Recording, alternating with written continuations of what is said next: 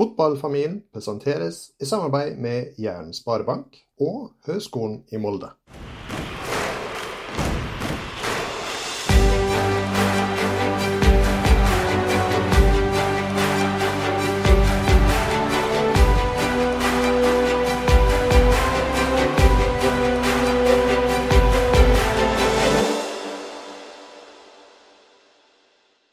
Velkommen til Fotballfamilien, en podkast for de som er glad i fotball. Eh, mitt navn er Anders Ove Gjerseth. Eh, som vanlig har jeg med meg Sander. Velkommen, Sander. Tusen takk. Og faktisk denne gjesten er en eh, litt spesiell en, siden jeg er ikke helt sikker, men det her er første fotballspilleren, eller når han var fotballspiller, så jeg han, var den første jeg hadde bak på drakten min, faktisk. Ja, faktisk. Det vi skal ikke ha en veldig, Han skal få lov å si litt om hvor han er i verden akkurat nå sjøl, men dagens gjest vi er ekstremt takknemlige for han med oss. Ikke bare var han veldig fleksibel og sjøfram intervju som vi egentlig begynte å snakke om ganske nylig, og vi snakker vel egentlig bare på langt på høsten, men vi trengte en gjest på kort varsel, og han var superfleksibel. Så det er vi veldig takknemlige for i ei hektisk tid. For uh, det er mye som skjer med dagens gjest for tiden. Han er nede fullt i ja, nå skal vi se, i 25 år, må jeg vel faktisk si. Han slo gjennom et smell og skjøt Molde nesten sånn egenhendig til Champions League-spill i 1998. Aldri har jeg sett en spiller som har hatt en så ekstrem påvirkning på et enkeltresultat som han hadde hjemme mot CSKA Moskva i den gangen. Og satte virkelig en liten fiskelandsby på Nordvestlandet for alvor på fotballkartet. Og der har vi blitt siden.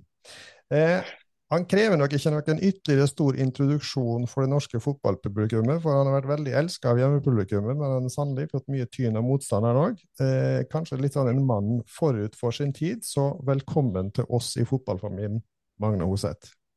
Tusen hjertelig takk. Eh, veldig kjekt å være her, og veldig eh, artig å være en podkast som eh, tar opp eh, mer enn kun eh, meg som person eller med som fotballspiller, men uh, yrket sitt i sin helhet. Så jeg ser frem til neste timen, regner jeg med. Eh, jeg må jo først av alt spørre altså, Du har jo vært oppe på lista av flere grunner. Altså, Vi søker jo historier av mennesker som byr på litt ekstra, som kan utvide forståelsen av mekanismen og i og rundt fotball. Men da må jeg liksom begynne, da. Klaksvik? Ja. Hva i alle dager? Nei, jeg har eh, Når jeg var tolv år, elleve år, eh, tror jeg, eh, så var jeg medlem i Boeing-klubben.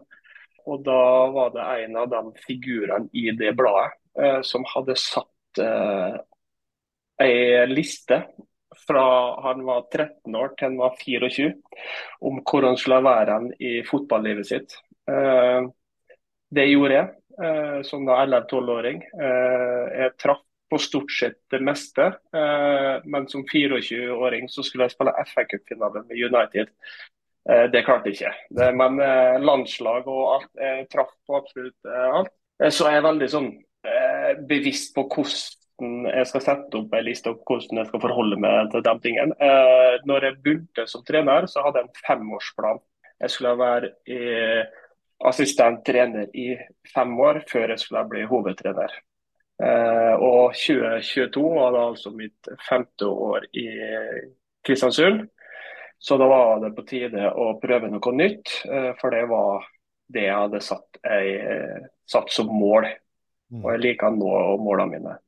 Eh, vi jobba ikke så veldig aktivt for at det skulle bli det, for jeg trivdes veldig godt i Kristiansund. Men eh, når jeg da skjønte at jeg, jeg var på ei liste i Egersund, faktisk, og kandidater til trener. Uh, og Det er jo ikke for å bygge meg sjøl noe opp, men jeg har jo et OK navn. Jeg har vært assistent. Og når jeg er på liste i en andredivisjonsklubb, uh, så tenkte jeg at OK, dæven, det er hardt å komme seg inn i den, uh, det yrket som jeg er blitt så fryktelig glad i. Så da måtte vi tenke litt utafor boksen, og da kom Klaksvik litt opp ut av intet. Jeg brukte nøyaktig 26 timer på, fra jeg fikk tilbudet eller forespørselen, til at jeg skrev under og sendte papirer. Så det var Vi har tenkt gjennom ganske mye, jeg og min kone, om hvordan det her skulle gå. Eh, så jeg var litt klar på at eller vi var klar på at det her eh, var en mulighet jeg måtte ta. Eh, og det Det angrer jeg ikke på. Det er tøft for familielivet, men yrkesmessig så er det et spennende steg, og det er artig og det er litt annerledes. Og Jeg liker å være litt annerledes, men det var vel ikke så mange som så akkurat den her skulle ha kommet. Så det er derfor Klaksvik, rett og slett. Mangel på alternativ i Norge tatt på spissen. Men uh, utrolig glad for å være her. Og så blir det et naturlig oppfølgingsspørsmål. fordi at eh, Nå er jo du og Daniel eh, i hvert fall sånn utad blitt eh, sett på som en sånn dynamisk duo som har vært veldig sentral i de viktige første seriegullene og, og apparatet rundt Molde.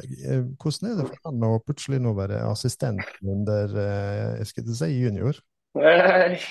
Ja, hierarkiet har vært ganske klart i de 15 åra vi spilte sammen. Så det, men det, det utjevna seg litt på slutten, selvfølgelig. Og så er det, det er både rart for han i starten, og det er rart for meg i starten. Eh, men vi har funnet en måte å kommunisere på som gjør at det, det funker. Jeg er en veldig inkluderende eh, trener eh, som eh, gir mye ansvar til dem jeg er rundt meg, og stoler på dem jeg er rundt meg. Så jeg tror det har gått bra, men du må, du må nesten spørre han. Jeg tror det store var større omveltning for han enn det for meg. Men uh, det går bra. Uh, jeg tror det. Ja, det tviler jeg ikke på. Dere kjenner hverandre ganske godt etter hvert. Eh, vi skal komme ja.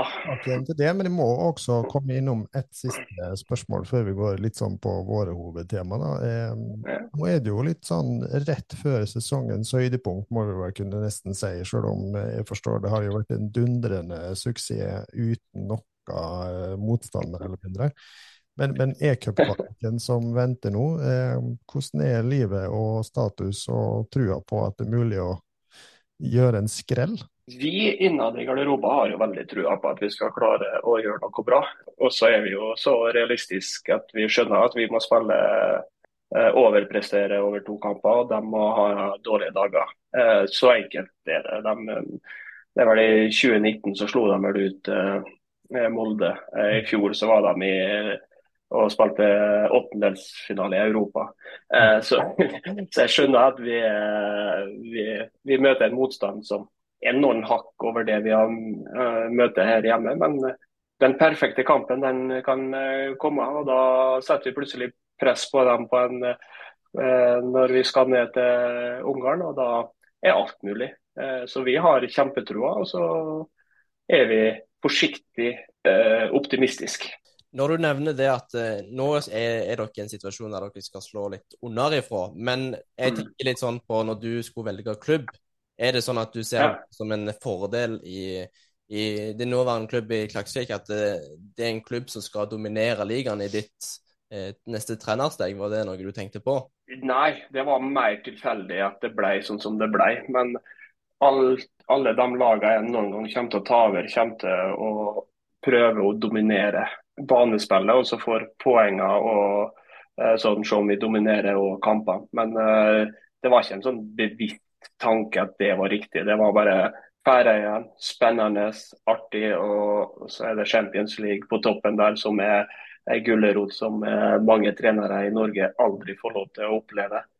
Så det er klart at den erfaringa som er Daniel høster her, den er gull verdt for videre karriere. Flott. Jeg tror vi bare mm. skal, for å komme oss litt videre, gå rett på første spalten vår, som da handler om relasjoner. Spalten presenteres i samarbeid med Jæren sparebank. Det er som vi sier det på Jæren, det er jabbene som drar. Når jeg sier ordet relasjoner, Magne, hva tenker du og forbinder du med det? Relasjoner er knytting til andre mennesker. Eh, på, enten ute på en fotballbane eller ute i hverdagen, eller òg emosjonelt. Eh, at du involverer det i de personene og gjør at du får en, en positiv eh, opplevelse sammen. Det er det jeg forbinder med relasjon. Godt svar. Jeg har jo som sagt fulgt Jeg er jo noen år eldre enn det, da. Eh, alltid fulgt det egentlig helt fra starten av fotballkarrieren din. Da var jeg jo veldig, veldig tett på og ivrig eh, Molde-supporter. Eh, og har jo også faktisk spilt mot en av brødrene dine i eh, min ganske eh, korte og til dels dårlige fotballkarriere. Og jeg vet jo det at du har alltid trukket fram familien, f.eks., som en sånn Mm. viktig ting. Eh, hva er det som har gjort at familie og familierelasjoner har vært så viktig for deg? Eh, Familie har vært viktig for at de Jeg har to eldre brødre og så har jeg en yngre bror, men de, spesielt de to eldre har alltid solgt meg ned. Eh, planta føttene mine ganske godt ned på bakkene hvis jeg begynte å tatt litt av. Eh, og de periodene som jeg var kanskje mest høy på meg sjøl, eh, var den perioden jeg hadde minst med dem å gjøre. Eh, Mm. jeg distanserte meg litt fra det, og så hadde for høye tanker og trodde at det var Jeg kunne gå på vannet en stund der. Eh, både for at jeg hadde gode prestasjoner, men når du får personer som forteller ting til deg hele tida, agenter, sportsdirektører som sporer deg med at du er for god til dette, du er for god til dette, så til slutt så tror du faktisk på det. Og derfor så når jeg klarte å koble på familien min igjen, først med brødrene mine, men òg når kona mi kom inn i bildet og hun fikk eh, planta føttene mine litt igjen, så skjønte jeg at eh, hva som er viktig. Eh, og familierelasjon og deres respekt er viktigere enn eh, hvordan, hvor jeg spiller hen, eller hva jeg er. Men det viktig, viktigste er hvem jeg er. Så Derfor så blir de trukket fram, og ble trukket fram en del. Spesielt etter jeg kom tilbake fra Vålerenga, så ble det en enda større viktig del av livet mitt. Ja, og da får jeg jo lyst til å følge opp med et spørsmål, fordi at eh, de har jo, altså som sagt, du kommer jo egentlig på en slags fotballfamilie, ikke sant? Eh, dere har jo spilt fotball og vært en ganske ikonisk gjeng ute på Averøya. Hvor viktig har på en måte det òg vært, da, at dere både har den der tette familierelasjonen, men òg kanskje har en slags eh, fellesskapsopplevelse rundt det med, med fotball og lidenskap til fotball og forståelsen av fotballmekanismen? Eh, ja, den er jo, det er jo veldig viktig for meg, spesielt når det går, gikk dårlig. Det som er ganske eh, spesielt, er at jeg alltid følte, selv når vi spilte på lag, eller når jeg ble bedre enn en dem, så har de alltid unna meg den suksessen. De har alltid støtta meg, de har alltid stått bak meg. Det har ikke vært noe misunnelse. Det har aldri vært noe altså, at de ville at jeg skulle gjøre det dårlig. De har alltid bygd meg opp og stått bak meg. Og Det er ikke alle familier som har det. Det vet jeg i hvert fall ikke når de i utgangspunktet var bedre fotballspillere enn meg begge to. Eh, Så eh, kan det sikkert være veldig tøft å se eh, lillebror eh, eh, ta steg og komme seg opp. og så eh, kom jeg jo på en såpass scene at eh, du blir stolt. Men jeg tror før den tida så var de veldig til å bygge. og Jeg tror ikke så mange som tor- torde å si så mye stygt om det til Jan Erik og Leif Inge. Da har de vel fått eh, både én og to ørefiker. Men eh, det er i hvert fall sånn jeg føler det. sånn Jeg har prata med dem i ettertid. og Jeg har aldri følt noe sånn misunnelse. Og det er jo sånn, det en trygghet at jeg kan være meg sjøl når jeg er sammen med dem. Eh, og så kaller de en spade for en spade. Eh, når jeg har blitt litt høy på meg sjøl, så, så er jeg på det. Ja. Det er jo viktige korrektiver. Jeg tenker også, jeg har lyst til, før vi går videre og går tilbake igjen litt til fotballen, for jeg har lyst til å spørre litt om relasjoner og hvordan du på en måte jobber litt sånn i forhold til det på, på Færøyene òg. Men det er naturlig når du først er inne på familie, for nå har du nevnt kona di noen ganger. Det, det er jo vanskelig å ha deg som gjest uten å gå til det ikoniske øyeblikket når du eh, bender ballen over muren og skårer på Ullevål i 2013. Hvordan går det i dag? Må du spille den. Det går eh, bra. Det har vært uh, siden 2014, egentlig. Så, eller eh, den eh, tre dager etter vi tok eh, finalen i, eh, i 2013, eh, så tok, fikk hun beinmargstransplantasjon den 27. november. Vi vant vel 24. Så etter det så har det egentlig gått én vei, så det går bra. Eh, har en del ettervirkninger, selvfølgelig, som, som du har når du har vært gjennom to knallharde kreft, eh, kreftbehandlinger. Så litt ettervirkninger er det. Men eh, hun spør ikke om sykemelding. Her må jeg si fra til legen hennes at nå gir du ei sykemelding, for at nå er hun sliten. Men eh, hvis det ikke hadde vært for det, så har hun ikke tatt imot i det hele tatt. Så, har, eh, så hun klarer seg godt, men eh, noen dager er vel tøffere enn andre, uten at jeg får uh, det. Men eh, fordi Grunnen til at jeg spør, er selvfølgelig at som sagt, du har jo vært en uh, elska mann av hjemmesupportere, men det har, vært, det har, ikke vært uh, mangel på friske meldinger fra, fra tribunene ellers i landet. Og, men det som var så spesielt for meg, en ting var jo at du avgjorde uh, cupfinalen og alt det emosjonelle rundt det, men det som kanskje greip meg mest, var jo hvordan uh, hele Fotball-Norge samla seg rundt deg på en helt annen måte når du sto fram den gangen. Hvordan opplevde du det sjøl? Nei, det var jeg har alltid vært veldig sånn rett fram og ærlig. Eh, så når jeg, Det var vel i september eller jeg skårte på et straffespark mot Rosenborg. Eh, og da hadde vi ikke snakka noe om Jeg hadde ikke sagt noe til noen, egentlig. Eh, og så er det Vegard Flemmen som har et intervju, og da sier jeg for første gang. Og etter det så åpna jo den eska ganske greit. Og jeg, og jeg prata jo om det og om alt. og så var det jo dagen før eh, eller den søndagen vi spilte cupfinalen, så kom jo det VG med sju sider. Eh, der jeg bretta ut livet mitt virkelig. Mm. Eh, og hvor hardt og tøft det var. Så det var nok sympati, og det var, men altså det medmenneskelige som har, bor innerst i folk, den, den, er til stede uansett når det kommer tøffe, tøffe dager. Og jeg fikk virkelig kjenne på den varmen. Jeg har jo fortalt det her noen andre plasser, men jeg kan jo fortelle det igjen. Jeg, uh, Daniel var den siste ut av bussen på Gardermoen. Vi gikk faktisk med pokalen, så breie var vi mellom oss, uh, gjennom sikkerhetskontrollen. Og så tenkte vi at vi må jo gjemme litt pokalen og vi må gå litt forsiktig. For det er jo Rosenborg-supportere på ene sida og så er Molde-supportere på andre sida. Men når vi kom gående der, så uh, ble vi faktisk applaudert nesten hele veien til flyet.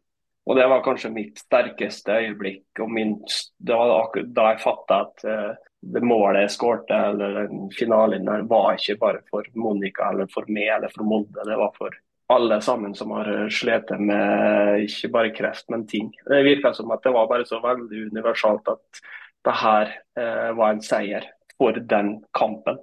Mm. Så det var, det var, et enormt sterkt uh, øyeblikk. og det var da først jeg innså at ok, det her er, det er litt større enn bare kona mi har uh, kreft og at jeg står i det. Det her er for mange, virker det som på meg da. Dette er jo noe av det, noe av det aller fineste i fotballen. og Det jo ganske nylig skjedd, sånn som med, med Magnus som uh, eh, mista hans uh, samboer. og Da ser vi jo mm. hvordan hele Fotball-Norge samler seg. Men noe litt, litt sånn på i, i, forbindelse med det, er liksom Merker du noe sånn eh, Du hadde kanskje fortalt det til noen lagkamerater, sånn, men når du går ut med å bli litt mer offentlig med det, merker du at de får en annen type respekt for deg? Ja, eh, det blir en annen De har en annen inngang til meg. De er ikke så forutinntatt som mange har vært til meg som person gjennom mye sjølvakt av ting jeg har sagt. Eh, dumme ting jeg har sagt, ting som jeg skulle ha bare holdt kjeft om. Men, så den, de er forutinntatt inntatt for en grunn. Eh, men etter det der kom, så, så var det ikke så mange som hadde så mye eh, mer vondt å slenge og si. For de, de, de, hadde en respekt for det jeg var gjennom, eh, og det vi var gjennom. Så det er klart at det snudde, men det, det begynte å snu ganske lenge før det. Men det her var bare noe som gjorde at de så meg òg som menneske, Magne, og ikke bare som han der drittsekken eller uh, idioten som spiller fotball. Det var jo en veldig spesiell tid for, uh, for vår del, fordi at uh, bestekompisen til Sander uh, sto jo faktisk midt i sin egen kreftkamp akkurat samme tida. Det var derfor vi ikke var på cupfinalen, faktisk.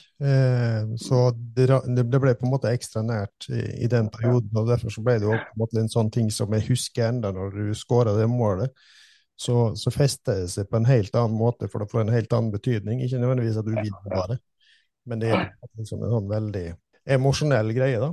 Jeg er helt enig med Sander, det er noe veldig fint med fotballen, og det er derfor òg jeg kobler det inn til relasjoner. fordi at det som hvis vi kan på en måte bare bevege oss litt videre tilbake igjen til det som skal handle om fotballen og fotballrelasjoner, så tenker jeg at i den samme perioden så framsto det for meg òg at du hadde viktige altså Hele klubben sto jo bak, men jeg så jo på en måte mm. spesielt at Daniel og du hadde jo en veldig tett relasjon, virka det som, og, og, til Ole Gunnar. Eh, Hvordan opplevde du den tida knytta til eh, laget, klubben, Ole Gunnar som leder? Det var en veldig spesiell tid. og Daniel er og han har jo stått eh, Han vet jo det meste. Det var jo han som Jeg klarte jo ikke å fortelle det til lagkameratene mine. Det var han Daniel som sto og fortalte at, eh, at kona mi hadde fått kreft, og at, var, at jeg kom til å være litt inn og ut av trening og sånn der. Og kona mi og Daniel kjenner også hverandre veldig godt, så det var jo nært for han. Mm. Men han sto rakrygga sammen med meg, og, eh, og det var veldig, veldig sterkt. Eh, Ole Gunnar var han ga meg den friheten til å velge akkurat når jeg ville trene og når jeg ikke ville trene, og gjøre, ta mine egne valg. Uh, og Det var veldig viktig jeg var på alle treningene eh, for at jeg ville, for at det var en friplass. Men han var en, han var en støttespiller uten å si så mye, men han var der. Jeg visste at han, han, kom til å ha ryggen min hvis det var noe som skjedde. Mm. Så den relasjonen var og det, det, kommer jo litt fram i, i den cupfinalen som vi snakka om. Mm.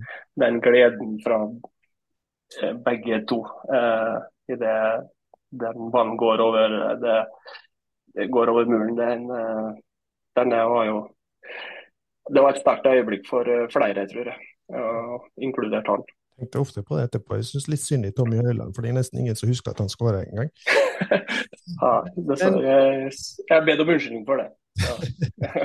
men, men, litt sånn fra spøk til alvor. Hvordan, jeg tenker Du har jo på en måte spilt under en del eh, gode, dyktige ledere og trenere, og du har spilt med en del eh, gode fotballspillere etter hvert. Eh, hvordan drar du veksler på de erfaringene som du har beskrevet nå, og ytterligere de andre erfaringene du har når du skal starte dette fotballprosjektet på, på Færøyene? Hvordan bygger du relasjoner i en fotballiga og kanskje en kultur som er litt annen enn det du har vært borti før?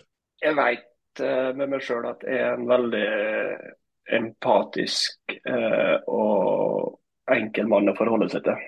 Så jeg bruker dem, det som jeg har vært hele veien, det som jeg er oppdratt fra, fra mor og far. Og det bruker jeg for alt alt det er verdt. Jeg prøver ikke å være noe ikke er. Det blir gjennomskua. Så jeg er inkluderende, jeg er krevende, men de har stor frihet til å bli så gode som de kan, og så skal jeg hjelpe dem den veien. Men eh, relasjonsbygging er basert på respekt. og Hvis du ha, vil ha respekt, så må du gi respekt. Eh, og Det er inngangen min. Det er ikke jeg som skal eh, være head of the table. Eh, det er vi som skal, eh, alle sammen skal ha den følelsen at de er like viktige uansett rolle de har. Og Det er sånn jeg bygger relasjoner. Gi ansvar uh, for, å gi, for å få respekt. Du kommer til et helt nytt land i, i Færøyene. Nye, nye, kulturer og ikke, ikke mm. minst et uh, annet språk. og da lurer jeg sånn, Hva er forskjellen, merker du på? Du går jo faktisk fra en assisterende rolle til rett inn i hovedtrenerrolle. Hvordan er det å bygge nye relasjoner med tanke på ny kultur og språk av, med tanke på spillere? Heldigvis så uh, har vi hatt uh, gjennom de siste ti åra veldig mye engelsktalende trenere uh, og engelsktalende spillere. Så det går mye på engelsk. Mm. og du blir ganske flink til å prate fotballspråk i engelsk. Mm. Så akkurat den der språkbarrieren, pluss at 90 her ute snakker skandinavisk. Så alle sponsormøter, møter med media, har jeg på norsk. Men akkurat i garderoben så snakker jeg engelsk. Så den, eh, akkurat den barrieren er ikke så Den er ganske slitt ut i, faktisk i Norge og uansett. Du prater mye engelsk, for det, sånn er det. Kulturelt sett er det ganske likt sånn eh, fotballmessig og fotballkultur osv.? Ja, det, det, er ikke så langt unna. Det, det er litt mer eh, andredivisjonsnivå på, på klubb og på sånn der, i forhold til at det er ikke noen som er 100% ansatt. og Det er jo en ny, ny verden. Eh, vi, vi, tar jo alle avgjørelser om mm. alt. Mm. Eh, samme hva det er, så står det og faller på oss. Så du har et veldig stort ansvar, og du må være klar over det ansvaret. Og så må du forvalte den eh, legacyen som KI allerede har bygd seg opp på best mulig måte er bare for å hjelpe dem et hakk videre. Og så uh, bare gjøre det på best mulig måte. Du har jo òg fått med deg et par eh, kvalitetsspillere fra Norge. Uh, er det noe sånn spesielt gjort for oss å klare oss å overtale dem til, å, til å bli med et helt nytt land med nye kulturer? Luke var, kjenner jeg godt. Jeg hadde veldig lite problem med å overtale. Eh, han hadde hatt problemer i Stabæk, hadde ingen kontrakt, var vært skada lenge. Jeg sa at det her er en sjanse til å bygge, bygge karrieren din og få det på rett kjør. Jeg skal gjøre det jeg kan, eh, for jeg kjenner han fra før av. Jeg vet at han er en god gutt. Vegard er det mer slutten av karrieren sin og valgte pga. kvalitetene han har som fotballspiller, men òg for å hjelpe ham et steg videre på den veien som han vil ta som trener. Så der er det litt sånn todelt. Markus hadde slitt lenge i Brann, har ikke fått noen spesielle sjanser. Så det, var, så det er litt sånn hva skal jeg si, De eh, kanskje ikke har fått den tilliten som de har, eh, som trenger for å vokse som spillere. Og Da var det en grei plass å komme. og De, de stoler på at det kan eh, hjelpe dem, og det er greit. Stivert det samme. Uh, brukte litt mer tid på å overtale han, men nå fikk han seg sitt første mål. og uh, håper og tror på store ting fra han uh, framover. Så eh, For å bevege oss litt videre fra kultur. Du og Daniel som sagt, eh, har jo en sterk relasjon. Dere står i et sterkt team. Hvordan merker dere på en måte at dere tar med dere mye av eh, de tingene dere har med dere fra Molde-tida og deg fra Kristiansund, da, eh, spesielt mm. tida, eh, når dere nå på en måte bygger deres egen vei? Vi merker jo på den kvalitetssikringa vi har på alle øktene i hver eneste øvelse. Uh, vi setter kravet som ble satt til oss uh, av uh, alle de trenerne vi har hatt. så vi tar jo med oss alle de små detaljene til å gjøre at spilleren blir litt bedre. Og så er det erfaringa fra Han har jo vært hovedtrener, så han har jo den erfaringa. Og jeg har vært assistenttrener. Så vi, vi bygger den veien litt sammen. Og så den, går den litt i hverandre. Og så håper vi at vi kommer ut som et sterkere team i, på slutten av det her. Eh, så vet vi jo ikke om vi kommer til å jobbe videre sammen, eller om han gjør noe annet og jeg gjør noe annet. Det får vi jo se. men relasjonen mellom meg og Daniel er sterkere enn noen gang, både på det personlige og fotballmessige. Personlig må det jo bli det, for vi bor jo sammen nå. Så det har vært tøft å ikke drive det sammen, men eh, det gjør vi. Men da tenker jeg òg det, det, er jo spennende akkurat det du sier, fordi det er jo to stykker som har en lang relasjon, og som kommer tett på hverandre, tettere enn kan kanskje du i voksen alder gjerne òg gjerne vil ha, for du, du, har jo familie, og, og, her blir det jo på en måte sånn å ha hverandre på brødskiva hele tida. Hvordan klarer du den mm. balansegangen? Altså Har dere noe litt sånn fristil? Fri, ja, ja, ja, sånn fristil fra hverandre, da, på en måte? Han, eh, han, må trene hver eneste dag. Eh, så han eh, har den, han har den friplassen. Det elsker han. Så da får vi noen timer borte fra hverandre, så det er ikke noe problem. Verre er hvis han ikke får trent, for da blir han sur og gretten. Og da går det utover meg, stort sett. Så, det blir litt men, som et gammelt ektepar? Ja, uten så veldig mye krangling. Ja. Vi er veldig komfortable med å være veldig stille sammen. Eh, og det var vi når vi bodde på rom i, i slutten av Molde-tida, så var ikke det et problem. Kan, vi kan sitte seks timer i stillhet og gjøre det vi skal. Så, så det går, eh, går, overraskende bra, egentlig. Jeg la jo merke til, jeg tok den ikke da, men nå tar jeg den nå. Jeg la merke til du sa at når du jobber med spillerne dine og jobber med å si, være leder for en ny gruppe. Så tar du med deg også lærdom du har med fra mor og far, sa du. Eh, mm. Kan du si litt mer om hva det handler om? Uh, ja, gode verdier. Uh, ærlig arbeidende folk som gjorde det de kunne for at jeg skulle ha det så bra som mulig. Mm. Det, er det, det, er den verdien at jeg skal gjøre alt jeg kan for at mine spillere skal ha det så bra som mulig, så de kan vokse i et trygt miljø. Trygt miljø skaper gode relasjoner skaper respekt, det skaper lojalitet, og det skaper resultat. Så Det ligger til bånn. Altså, du begynner egentlig med de verdiene i bånn, og så eh, er det mm. å skape en prestasjonskultur ut av det? Ja, de går gjerne hånd i hånd. Vi skal bevege oss litt over, vi kommer til å snakke litt om relasjoner videre, også, tror jeg, men vi skal bevege oss litt over i neste spalte, som vi i ditt tilfelle har valgt å kalle utvikling. Spalten presenteres i samarbeid med Høgskolen i Molde.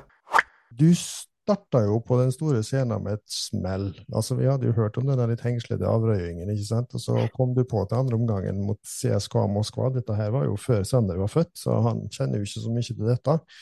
Men for oss som hadde ringside og så da, og hadde et lite håp om å få Champions League på Volle stadion, så jeg må jo si det er fortsatt topp tre av mine fotballopplevelser gjennom tidene. Fordi at eh, det var bare et så vanvittig totalt eh, opp-ned-bilde av de to omgangene.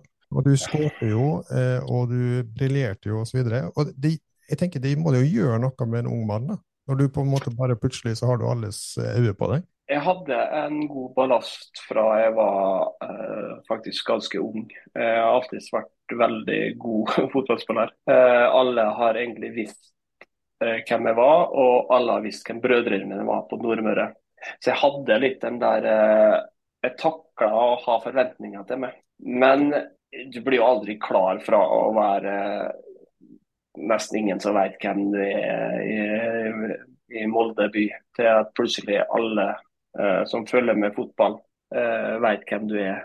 De ringer, uh, vil ha tak vil være, ha det i media. Vil, så, blir, så, det var jo veldig sånn omvelting som uh, Jeg syns jo sjøl at jeg takla bra der og da, og det gjorde jeg kanskje òg. Men det er jo klart at det er en del hendelser, situasjoner og ting som skjer som skulle ha vært foruten. Men uh, det er noe sånn at det har gjort meg til den personen jeg er i dag, Å ha de verdiene som jeg har. Jeg sier jo sjøl at jeg var ganske uspiselig uh, en del år der. Familien min er ikke så enig når de sier den beskrivelsen, for jeg har alltid vært ganske jordnær blant venner og familie. Tror du det hadde vært litt annerledes om du sier skulle slått gjennom den dag i dag, eller tror du liksom at det hadde vært noe ganske likt? Det har vært veldig annerledes. Ja, det er, det er, mye mer trykk fra sosiale medier, eh, som ikke var på den tid. Jeg har ikke kunnet gjort halvparten av det jeg gjorde på fredag og lørdag eh, i, i, dag som jeg gjorde da. Eh, ikke før kamp, men eh, hvis vi spilte lørdagskamp, så var, det, var vi ute og drakk. Eh, har vi gjort det i dag, så ble det vel medieoppstyr og sånn. Men jeg var, jeg, vet ikke, jeg var jo ekstremt mye i media eh, en tiårsperiode her. Eh, så, men det, det, trykket fra den sosiale, altså, uh, sosiale mediene, det var ikke i nærheten. Det er annerledes å slå gjennom i dag. Jeg skjønner at spillere er mer tilbakeholden og ikke gir så mye av seg sjøl, for at det blir brukt imot det. gjør du noe feil, sier noe feil, oppfører litt annerledes, så blir du ikke nødvendigvis hengt ut, men du blir uglesett. Så ja, det har, blitt, det har vært tøffere å slå gjennom i dag. Jeg synes det er et godt spørsmål eh, han stiller seg, og jeg synes det er mm.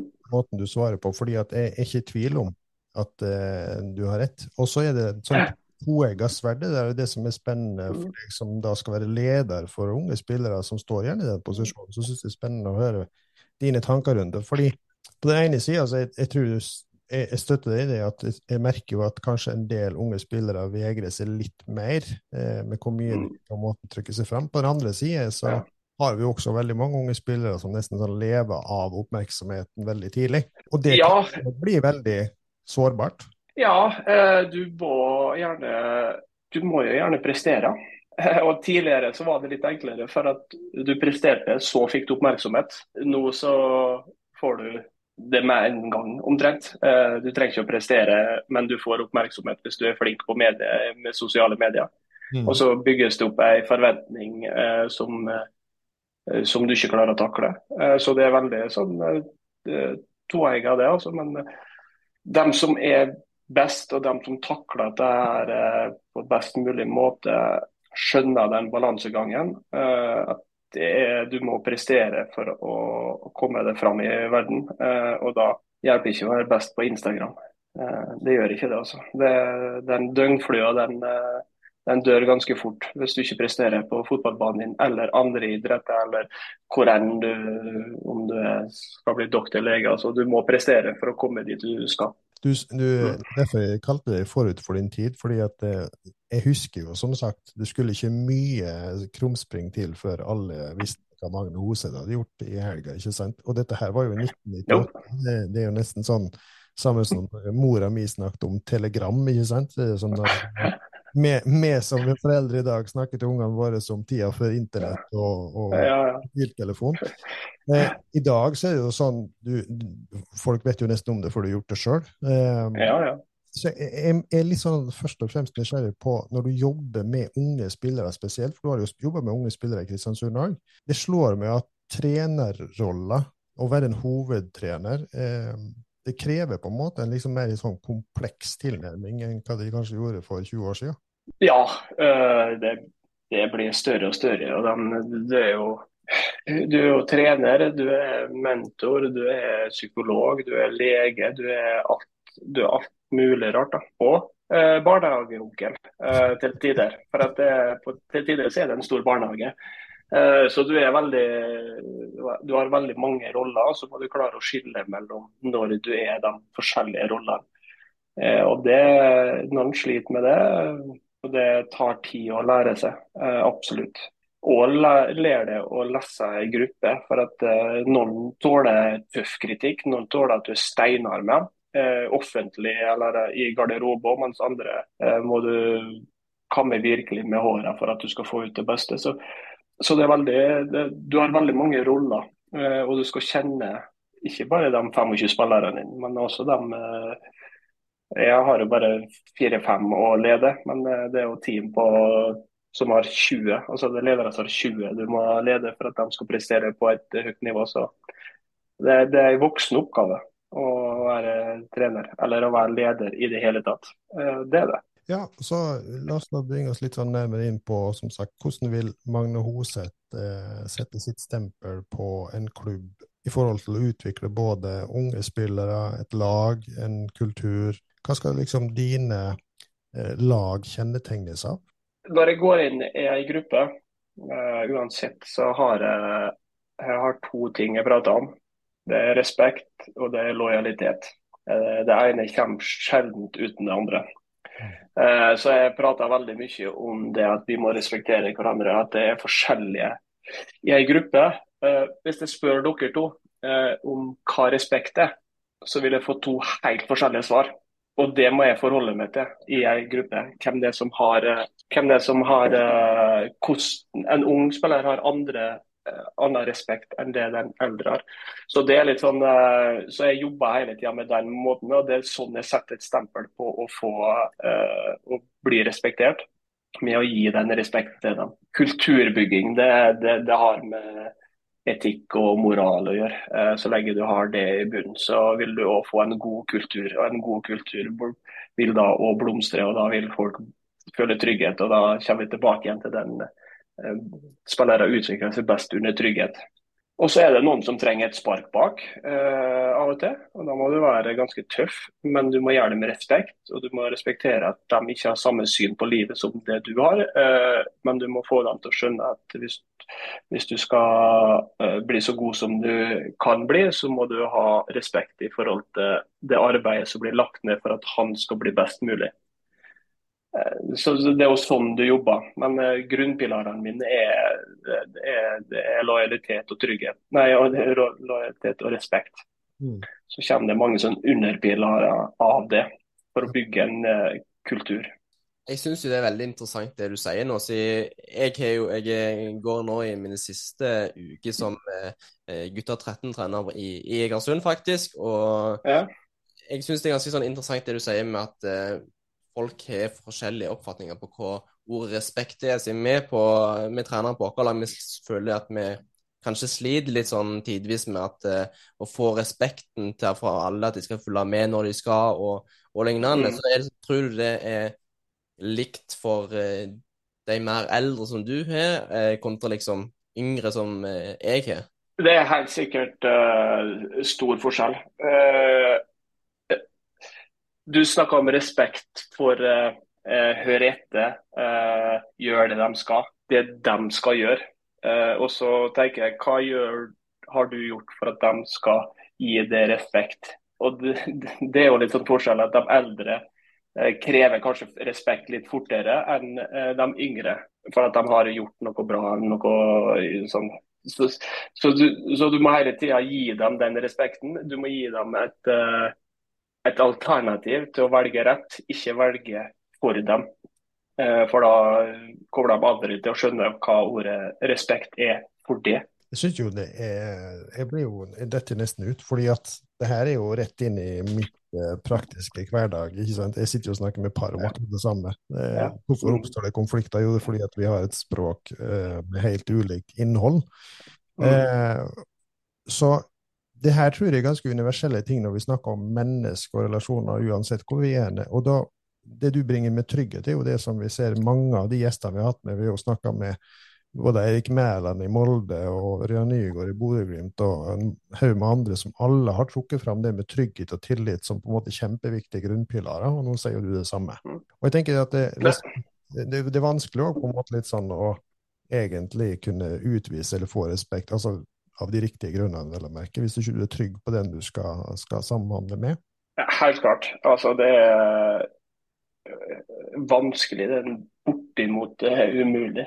Eh, for at eh, den der definisjonen av eh, ordet er da som du snakka om, da. Altså, hvis du ikke klarer å kommunisere på samme språk, så er det også vanskelig å få den respekten for at du kan si det samme ordet til en mann og en kvinne.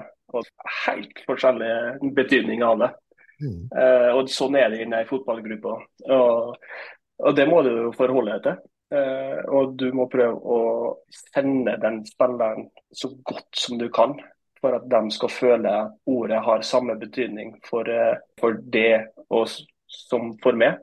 Mm. Så det er litt sånn uh, interessant. Ja, og når du da på en måte, fordi Det ordet som jeg òg syns var like interessant, det er jo lojalitet. Fordi du Jeg vet ikke hvor stor utfordring det er i den gruppa du jobber med i dag, men jeg tror nok de fleste norske trenere kan skrive under på det at det er jo ikke lett å alltid klare å få alle i en gruppe til å være lojale, når du kanskje både har et slags eh, mål og ønske om å prestere der du er, men mange har jo også et ønske om å komme seg videre i karrieren?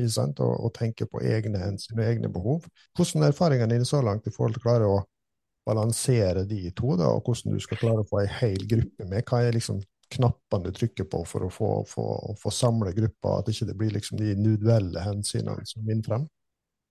det kommer litt, uh, litt tilbake med det ordforrådet som er altså, Lojalitet for, for meg er at du er lo, lojal, lojal i forhold til den du er, hele tida. Mm. Det er det som er mitt forhold til lojalitet. Og så har vi dem der eh, du skal være lojal i forhold til at du ikke skal snakke ut av om skit om lagkamerater eller om et eller annet sånt. Det er jo liksom sånn, sånn det er jo viktig, men det er jo litt sånn etisk i mm. bunnen. Men lojalitet for meg er at du skal være lojal til deg sjøl. Du skal klare å stå i den situasjonen du setter deg sjøl i. Mm. Eh, og hvis du er lojal i forhold til det, så må jeg respektere at du er det. Derav respekt. Mm. Så det er litt sånn eh, det, er, det spørs hvordan du bruker lojal. Eh, jeg velger å bruke det som at du må være lojal i forhold til deg sjøl for at jeg skal gi deg respekt, og derfor så får jeg respekt av det. Og dermed så får vi en relasjon der det blir vanskeligere for han å være dislojal. Okay. Så uh, Hvis vi da beveger oss litt videre, i forhold til, som sagt, jeg er jo veldig nysgjerrig på å høre hvordan lagene dine skal og fremstå fotballmessig. Ja, det er enklere å prate om. Uh, de skal være angrepsvillige. Altså ja, de skal forsvare så godt. være Poenget mitt med å være trener er at jeg skal lære dem å takle så mange situasjoner som overhodet mulig på best mulig måte. Mm. Om det er identifisere om du skal gå på en overgang, eller om vi skal holde ballen, eller om vi skal slå en pasning hit eller pasning dit. Det er min eh, fotballfilosofi. Jeg skal utdanne spillerne til å ta mest mulig riktige valg i forhold til de prinsippene vi har som lag. Mm. Og laget skal, det, skal være, det skal være høyt tempo, det skal gå framover. Vi skal utnytte de rommene som oppstår til enhver tid. Mm. Det er det. altså Høyt press og gjenvinning, og vi skal tørre å være modige. Vi skal tørre å tørre. Eh, vi skal, jeg vil ikke ha likegyldige spillere. Jeg vil ha dem som prøver ti ganger og mislykkes, istedenfor å prøve én gang og lykkes, og så slår han ti pasninger tilbake. Mm. Det kjapt og enkelt forklart min måte å tenke fotball på. Du nevner jo en veldig viktig eh, ting der med at du vil at du skal ha de som prøver ti ganger igjen, istedenfor å liksom tenke at de skal feile. sant? Det tenker jeg at er en super og noe av det viktigste du kan gjøre i spillerutvikling. og Mm. Er det noen spesielle tiltak du gjør for at de igjen skal hele veien tørre å prøve, eller eh, hva tenker tankene dine rundt det? Eh, Du jobba jo med G13. Da vil jeg ha satt dem i så mange situasjoner som de kan uh, i den posisjonen. Eh, hvis du er én mot én dribling, hvis du har kant, hvis du har spiss, så la dem få avslutte så mange ganger som overhodet mulig. Eh, men med oss, når du er, kommer på et litt høyere nivå, så er det å gi dem den tryggheten til at de føler at eh, en, et dårlig valg eller at du ikke lykkes. og Da må du ikke, du blir ikke satt ut av laget. Så Det er litt sånn, det er forskjellen på mellom ja, eh, ungdom og seniorfotball. da. Du må gi dem den eh, tryggheten til å tørre det. Mm. Alt, alt spoler tilbake til trygghet, tillit, lojalitet, respekt. Mm.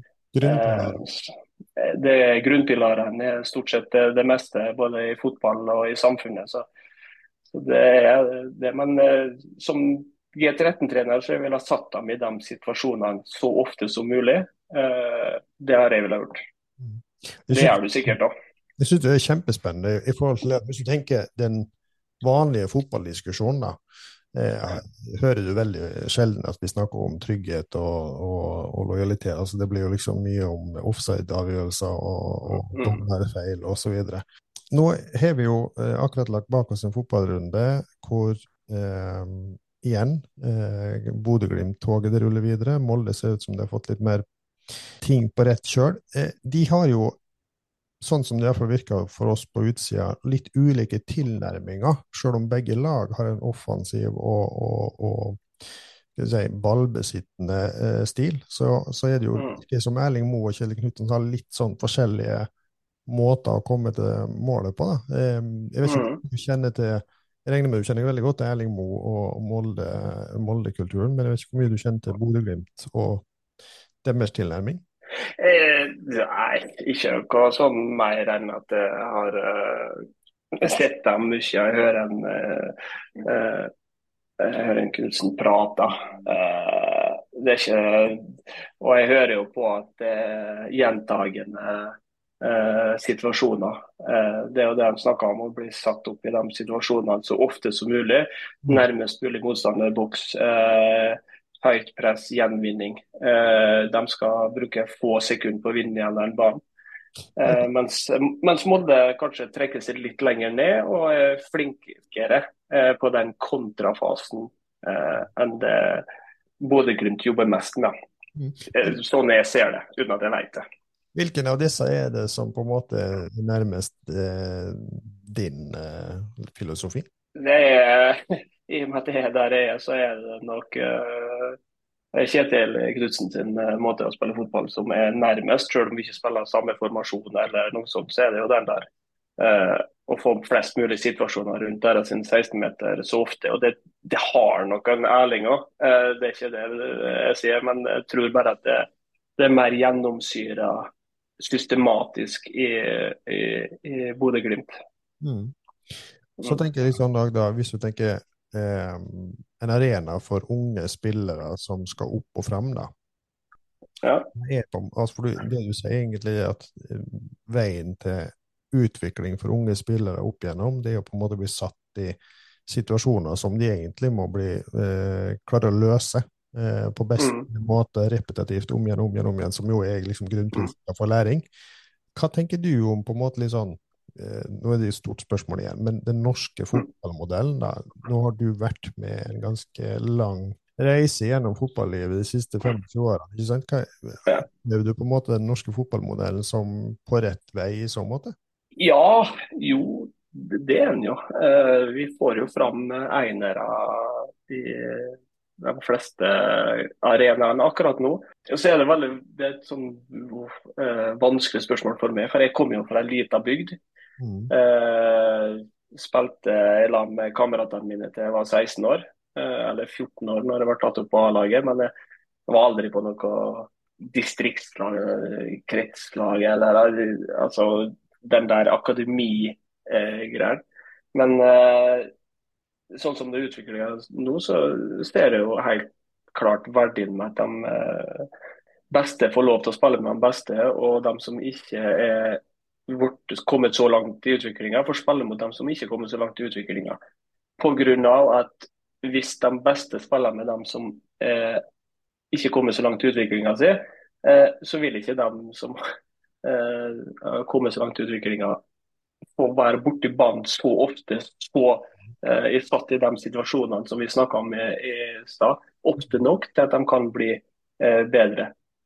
Eh, så det er et drittvanskelig spørsmål, og, og, jeg har ikke et kjempegodt svar. Men jo mer du er borti ballen i løpet av trening, jo bedre blir du jo som mm. fotballspiller. Eh, så men det er jo et minefelt uten sidestykke uh, å ha for sterke meninger om akkurat det der. Uh, for du blir jo høyt hvis du mener noe feil. Men, jeg, er ikke, så, jeg, er ikke, fagmann, ikke sant? så jeg kan jo mer uten at ja, folk får bare hogge med hva de vil. Men, men jeg har at den modellen som når vi vokste opp, hvor vi spilte mye løkkefotball med kompiser, ikke sant? så ja, ja. Si at det var nå ikke akkurat sånn at det var en perfekt arena for alle, for vi hadde jo disse enerne som aldri lot oss andre låne ballen. Det er nå en del av gamet. Men likevel så det, det, er i hvert fall veldig mye menneskelig læring i uh, løkkefotballen. For du må liksom lære å ta mer ansvar for din egen utvikling, selv om det ikke akkurat er, noen systematisk kontekst. Eh, jeg har jo vært med og trent guttungen i sin tid, og vært en del av et apparat der. og det, det som jeg tenker på i etterkant, er at vi gjerne organiserte litt for mye for dem. At det blir liksom for mye for tidlig, og at de kommer på trening for å bli trent, og ikke for å trene. Eh, har du tenkt noe på det? Ja, det, det tenker jeg vel. Ja, det er den andre sida. Hvis du tar løkkefotball, er det absolutt den plassen der jeg har vært god. Det er det. Jeg brukte fire timer om dagen. Det er klart I lag med dem som var bedre enn meg. Alltid de som var bedre enn meg. Mm. Eh, for dem, eh, dem, som var på min alder, de spilte ikke fotball der jeg kom fra. Så jeg spilte jo med dem som var bedre. Vi måtte jo takle den Takle å ikke være best. Mm. og det gjør jo noe med mentaliteten din òg. Fordi da får du det suget etter å bli litt bedre, og du lærer av dem som er litt bedre. Så det er derfor jeg sier at å svare på det spørsmålet er jæklig vanskelig. Hva er det som er best? Uh, men uh, Bayern München, når de setter i gang, jeg tror det er fem, femårsalderen, så inviterer de Nå tar jeg bare et tall her, men jeg tror det er rundt 160-170 femåringer i området. Så setter de opp i eh, fire baner eller et eller annet sånt. Eh, og så legger de ned fire vester, så legger de en ball.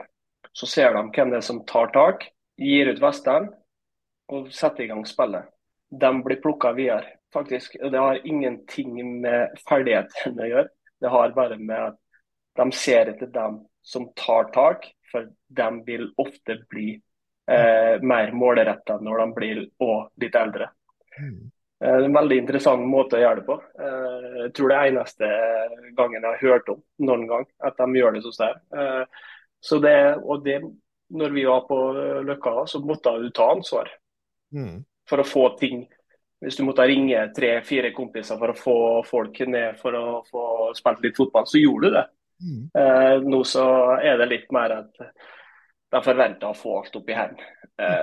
Det er dessverre den generasjonen som vokser opp. Og vi kan dessverre ikke skylde på noen andre enn oss sjøl, for det er jo vi som former dem vi eh, produserer. Så, så, vi har gjort oss sjøl en litt eh, bjørnetjeneste med akkurat det at vi, vi, vi, legger litt til rette og vi syr litt for mye puter under armene. Mm. Eh, både på fotballbanen, men og ellers i samfunnet. Det, det skal ikke mye motgang til før at det blir kålsvart. Men jeg, jeg ser jo, vi skal ikke holde deg eh, for eh, lenge utover kveld og natta, Magne. Men jeg har ett spørsmål liksom på tampen òg, som går fortsatt på det med utvikling. Mm.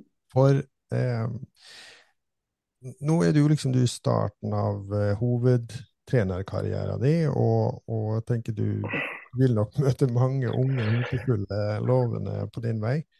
Eh, hvilke veksler vil du trekke på de erfaringene du har gjort da, opp igjennom? For du har erfart ganske mye. Du har jo fått eh, både oppturer og nedturer.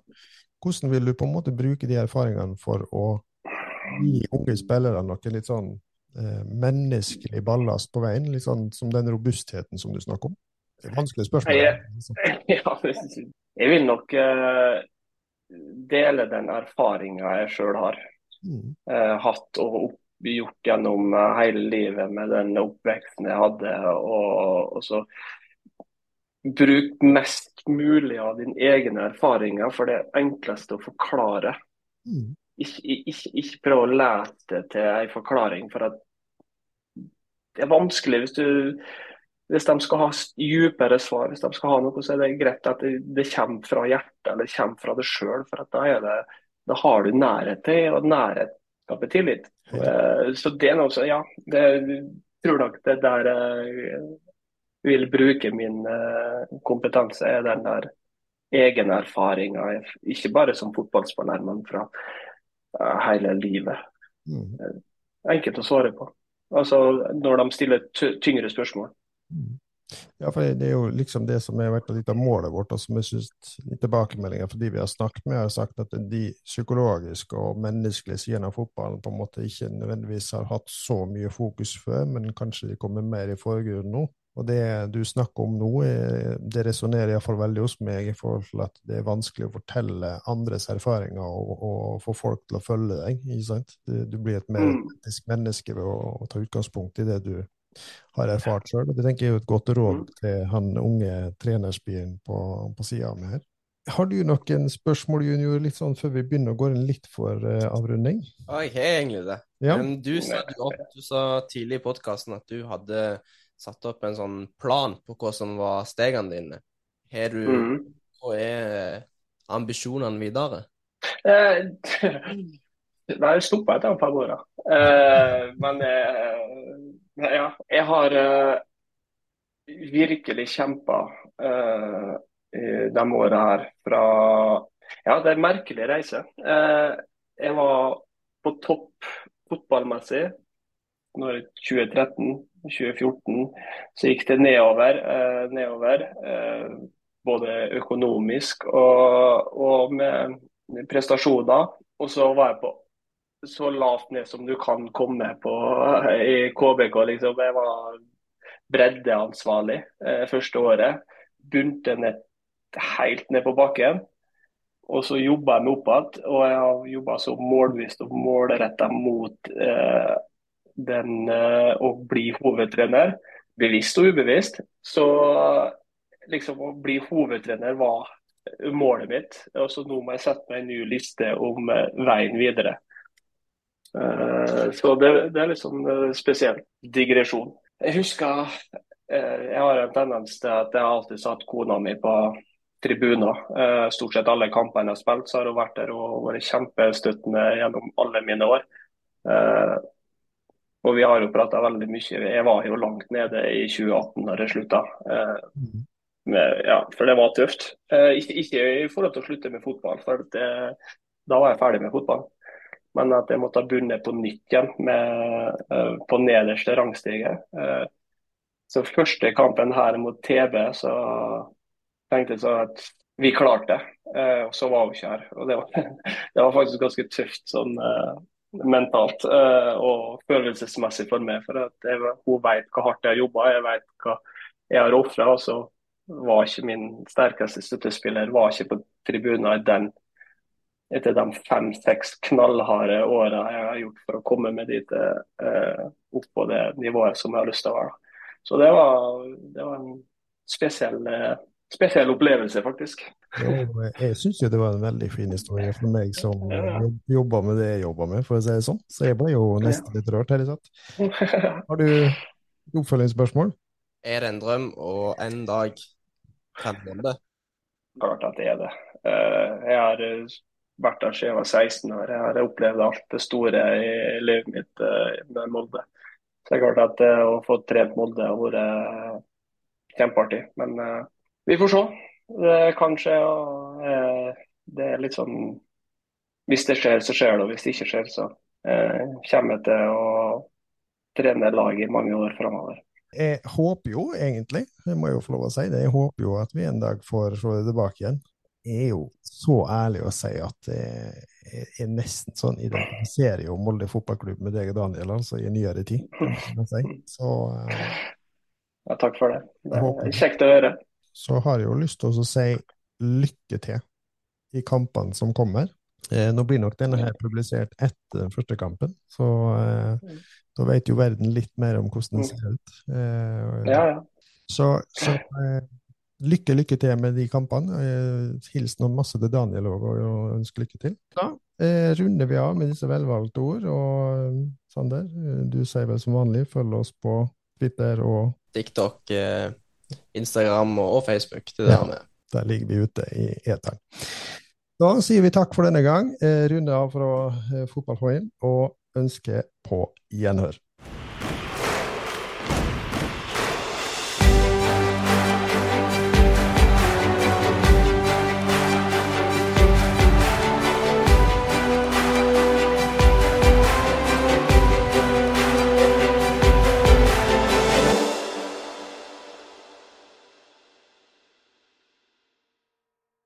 Fotballfamilien ble presentert i samarbeid med Jæren Sparebank og Høgskolen i Molde.